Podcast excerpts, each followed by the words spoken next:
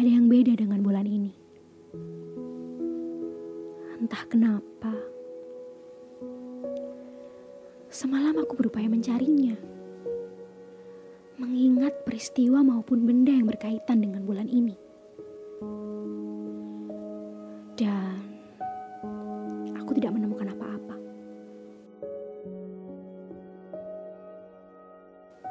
Ini hari kesekian aku dilanda kekhawatiran dan kebimbangan. Bisa saja aku pergi tidur dan abai. Namun ternyata susah.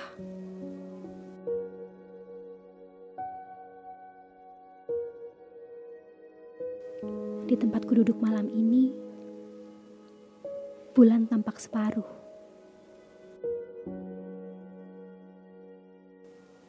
Menikmati sinarnya di antara awan-awan. Bulan memang menawan. Namun ia hanya datang saat malam. Padahal aku ingin melihatnya hingga pagi nanti.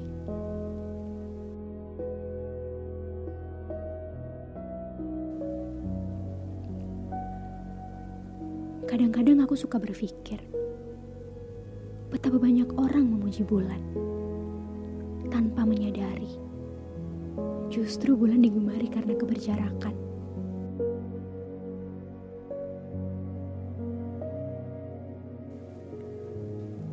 Sebentar. Atau mungkin ini soal kamu yang akan jauh agar seperti bulan.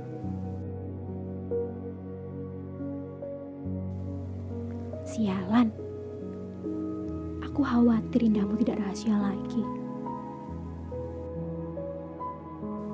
Akan banyak orang yang mengamati dari jauh. Seperti mereka yang merayu kekasihnya di bawah sinar bulan.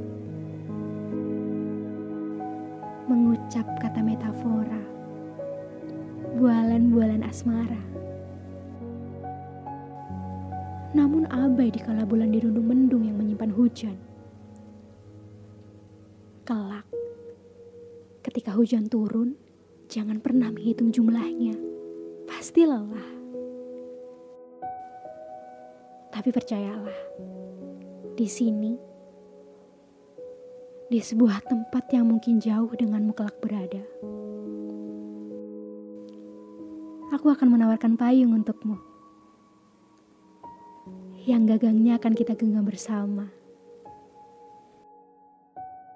Atau jika hujan tak jadi turun, pergilah ke dekat jendela.